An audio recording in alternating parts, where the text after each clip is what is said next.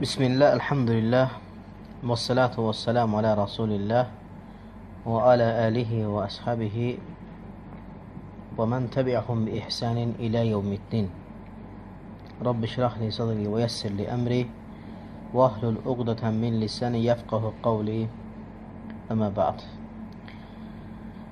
Deməli əziz qardaşlar, hərinizi salamlayıram. Assalamu alaykum və rahmetullah və bərəkatuh. Və alaykum salam və rahmetullah. Oxuyacağımız kitab yaşadığımız əsrimizin, yəni əsrimizin ən böyük alimlərindən biri olan mühaddis Şeyx Muhammed Nəsrəddin Əl-Əlbani rahimehullahın Sifətus Salət. Yəni sanki deyir, onu görürmüşsən kimi təkbirdən təslimə təslimədək peyğəmbərin namazı. Və namazın çünki İslamda böyük mənziləsi, böyük məkanı var. Çünki insan, hər bir müsəlman namazı doğru düzgün qılmalıdır ki, bu namazdan bir savab, bir əcr əldə etsin, bir fəzlət əldə etsin. Və çünki insanların çoxsu görsən ki, namazlarını düzgün şəkildə qılmırlar və bu da onların namazdan hətta əcrsiz, savabsız çıxmasına belə səbəb olur.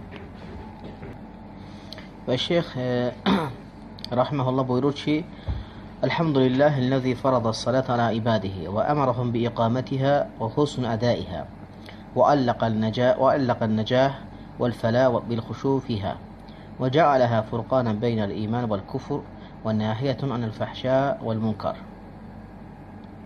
الشيخ آه، دمال بيروتشي بندلرنا bəndələrinə namazı vacib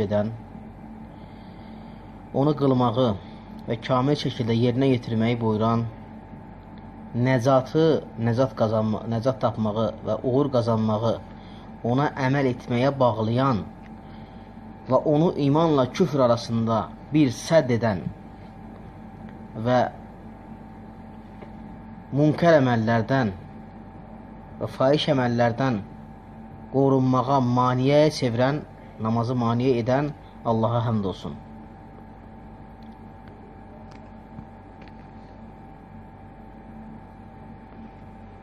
والصلاة والسلام على نبينا محمد المخاطب بقوله تعالى وأنزلنا إليك, إليك الذكر لتبين للناس ما نزل إليهم.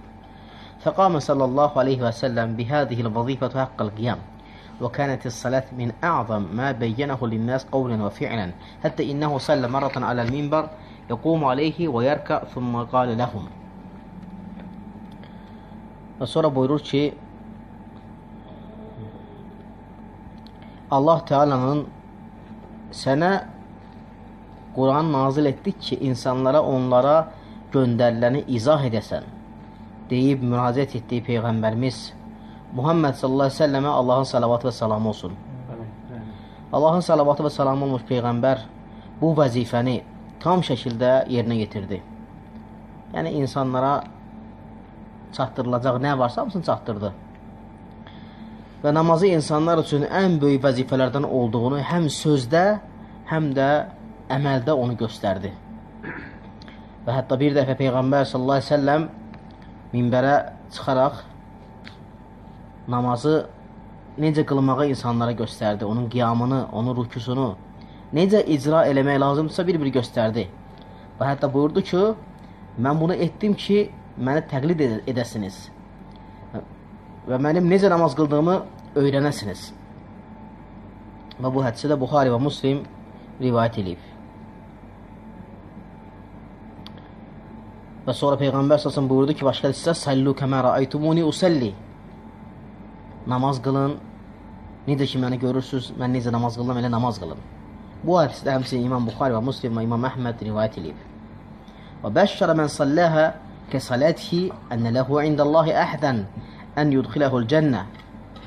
فقال خمس صلوات افترضهن الله عز وجل من أحسن وضوئهن وصلاهن لوقتهن وأتم ركوعهن وسجودهن وخشوعهن كان له على الله عهد أن يغفر له. ومن لم يفعل فليس له على الله عهد. İnşa qafara ləh və inşa əzzəbə.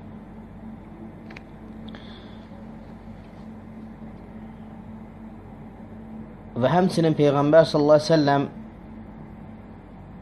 bizə belə bir müjdəni çatdırmışdı ki,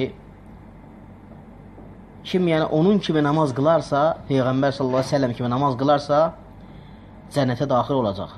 Çünki bu barədə Allah Subhanahu va Taala'nın əhdi vardır. Və necə səhih hədisdə Peyğəmbər sallallahu buyurur ki, qüdrət və cəlal sahibi olan Allah 5 dəfə namazı qullarına vacib bildirmişdir.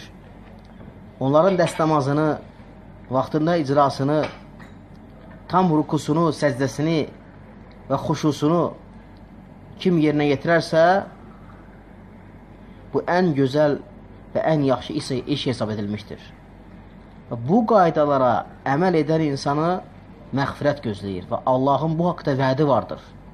Amma kim bunlara etməzsə, yəni namazı qorumazsa, onun vaxtını, dəst namazını, rukusunu, səcdəsini, xuşusunu qorumazsa, Allahın həmin insan üzərində heç bir əhdi yoxdur.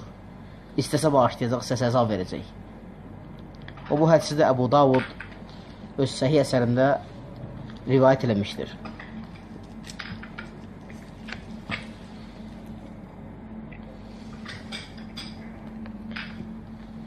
وعلى آله وصحبه الأتقياء البررة الذين نقلوا إلينا عبادته صلى الله عليه وسلم وصلاته وأقواله وأفعاله وجعلوها وهدها لهذه مذهبا وهدها لهم مذهبا وقدوة وعلى من حذ حظوهم حظوهم وسلك سبيلهم إلى يوم الدين إلى يوم الدين Və həmçinin Peyğəmbər sallallahu əleyhi və səlləmin ibadətini, namazını və onun hədislərini və onun əməllərini bizə çatdıran, yalnız onları özlərinə, ardıcıllarına, davamçılarına və qiyamət gününə qədər onların yolunu tutanlara məzhəb və nümunə edən mömin və pak ailəsinə və sahabələrinə də salat və salam olsun. Və sonra şeyx e, buyurur ki وبعض فإني لما انتهيت من قراءة كتاب الصلاة من الترغيب والترهيب للحافظ المنذري رحمه الله وتدريسه على بعض إخواننا السلفيين وذلك منذ أربع سنين تبين لنا جميعا ما للصلاة من المنزلة والمكانة في الإسلام وما لمن أقامها وأحسن أداءها من الأجر والفضل والإكرام وأن ذلك يختلف زيادة والنقصان زيادة ونقصا بنسبة قربها وبعدها من الصلاة النبي صلى الله عليه وسلم كما أشار إلى ذلك بقوله بقوله. Hafiz Əl-Munziri rahiməhullahın Tərğib və Tərhib kitabından namaz fəslini bəzi sələfi qardaşlarımla 4 il bundan qabaq oxuyub qutarandan sonra namazın İslamdakı yeri onun gözəl tərzdə icra edənin qazandığı əcr, kəramət və fəziləti hamımıza aydın oldu. Şeyx deyir, Əbu Əlbəni rahiməhullah deyir. 4 il bundan qabaq deyir, Tərğib və Tərhib kitabında namaz bobunu oxuyandan sonra namazın deyir, İslamda olan fəzilətini, onun kəramətini, onun məkanını deyir, məkanı bizə aydın oldu. Və bu Peyğəmbər səlləmin namazına yaxınlıq və uzaqlıq dərəcələrinə görə fərqlənə bilər. Yəni kimin namazı Peyğəmbər səlləm namazına nə qədər yaxın olarsa, o qədər fəziləti, əcri və kəraməti böyük, böyük olar, əzəmətli olar.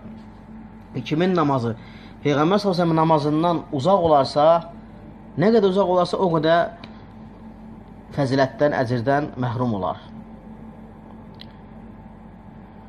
Hansı ki, bu barədə Peyğəmbər s.ə.v buyurur ki, bəndə namaz qılarkən savabın, yəni qılmasından asılı olaraq, savabın yalnız onda biri, 9-da biri, 8-də biri, 5-də biri, 4-də biri, 3-də biri, yarısı qədər savab qazanır.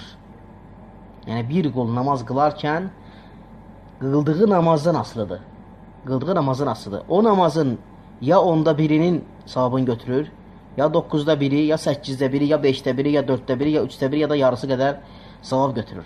Və bu hədisi də bu Davud Ən-Nisəyi hədisi rəvayət bir hədis səhihdir. Və sonra şeyx buyurur ki, وَلِذَٰلِكَ فَإِنِّي نبهت الإخوان إلى أنه لا يمكننا أداؤها حق الأداء أو قريبا منه إلا إذا علمنا صفة الصلاة النبي صلى الله عليه وسلم مفصلة وما فيها من واجبات وآداب وهيئات وأداء وأدئية وأذكار.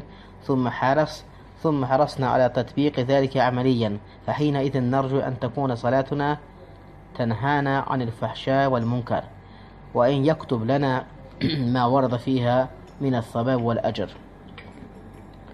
Və sonra Şeyx Rəhməhullah buyurur ki, buna görə də mən qardaşlarımı xəbərdar edirəm ki, əgər biz namazı düzgün qılmaq istəyiriksə, onda Peyğəmbər sallallahu əleyhi və səlləmin Peyğəmbər sallallahu əleyhi və səlləm tərəfdən namazın icra tərzinə, onun vacib vaciblərinə, onun rükünlərinə, o namazda olan dualarına və həmçinin zikirlərini bilməliyik ki, və bunları əməli olaraq yerinə yetirməliyik ki, namazımız düzgün olsun.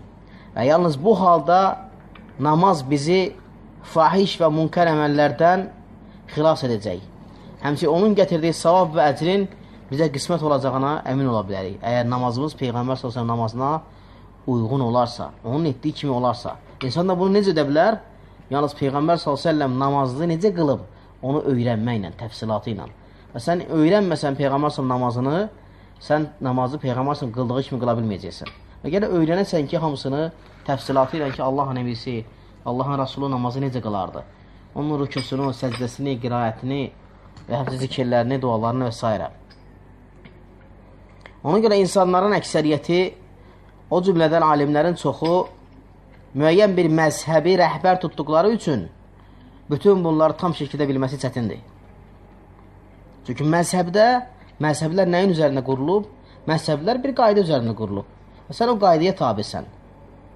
Hansı ki, pak sünnə yoluna xidmət edən hər bir şəxs, istər fiqh alimi olsun, istər hədis alimi olsun, mühəddis olsun, bu elmlə məşğul olan olsun, hədis elmi ilə, və bilir ki, hər bir məzhəbin yalnız özünə məxsus olan qaydaları var. Onların hamısında elə əməllər, elə sözlər var ki, bunları sən heç cürə sən Peyğəmbər s.ə.və şamil edə bilməzsən. Yəni, məzhəbdir, deyir, belə qılmalısan. So, hansı ki, Peyğəmbər s.ə.və elə etməyib. Və sən onu necə Peyğəmbər s.ə.və şamil edə bilərsən? O feyli, o sözü, o əməli. Ona görə əksəriyyət görsən, insanlar hansı ki, məzhəbi özlərinə rəhbər tutublar, ona görə də onların bir çox ibadətləri, əməlləri Peyğəmbər s.ə.v əməlindən çox uzaqdır. Hətta elə əməllər var ki, Peyğəmbər s.ə.v əməlinə, sözünə onu şamil edə bilməzsən. Onu Peyğəmbər s.ə.v aid edə bilməzsən. Çünki yoxdur Peyğəmbər s.ə.v belə etdi, yoxdur bir dəlili. Vardı olmayıb.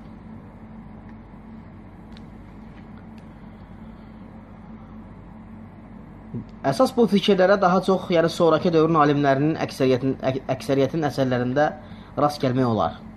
Yəni onlar çox zaman bunu Peyğəmbər s.ə.və şamil etməyə çalışıblar. Yəni, görsən ki, neçə alimlər var ki, onların əsərlərinə baxırsan, hər hansı bir əməli deyiblər ki, bu belə olmalıdır, belə olmalıdır, belədir, belədir, lakin Peyğəmbər s.ə.və etməyib onları. Və həmin əməli Peyğəmbər s.ə.və şamil etməyə çalışıblar. Lakin Peyğəmbər s.ə.və o əməl haqqında heç bir və e, məlumat, heç bir xəbəri yoxdur, heç bir hədisi yoxdur. Buna görə də hədis alimləri, mühəddislər, Allah onlardan razı olsun, hədis kitablarını yazıb, onların içərisində səhih, zəif və həsən, yəni yaxşı hesab edilən hədisləri müəyyənləşdiriblər. Yəni, bəyək dediyim məsələyə aid zikr, e, məsələyə aid olan bəzi əsərləri qeyd eləmək olar ki, məsələn, bu da Əl-İnayə bi mərifətil əhədis əl-hidayə kitabı və yaxud e, Ət-Turuq və Vəsaili fi Təxric Əhədis Xülasə Dələil. Yəni bu kitablar hər ikisi Şeyx Abdülqadir Muhammed Əl-Qureyşi Əl-Hənəfiyyə məxsusdur. Yəni məsələn belə kitablara baxsan görərsən ki, neçə-neçə məsələlər var ki, hansı ki Peyğəmbər sallallahu əleyhi və səlləm nisbət olunur, lakin Peyğəmbər sallallahu o haqqda heç bir hədisi, heç bir e, sözü yoxdur. Və inşallah burada e, kitabın müqəddiməsini bitiririk və sonra gəlir e, Şeyx Muhammed Nasrəddin Əl-Əlbani e, rahimehullahın Sifatus Salat bu kitabı yazılmasının yazmasının əsas səbəbi nə idi? Əsas səbəb, əsas məqsədi nə idi? Əqulu qawli hada, əstəğfirullah li və lakum və lisa'il muslimin min kulli dəm əstəğfiruh innehu'l gafurur rahim. İxlasla.com saytı tərəfindən təqdim olundu.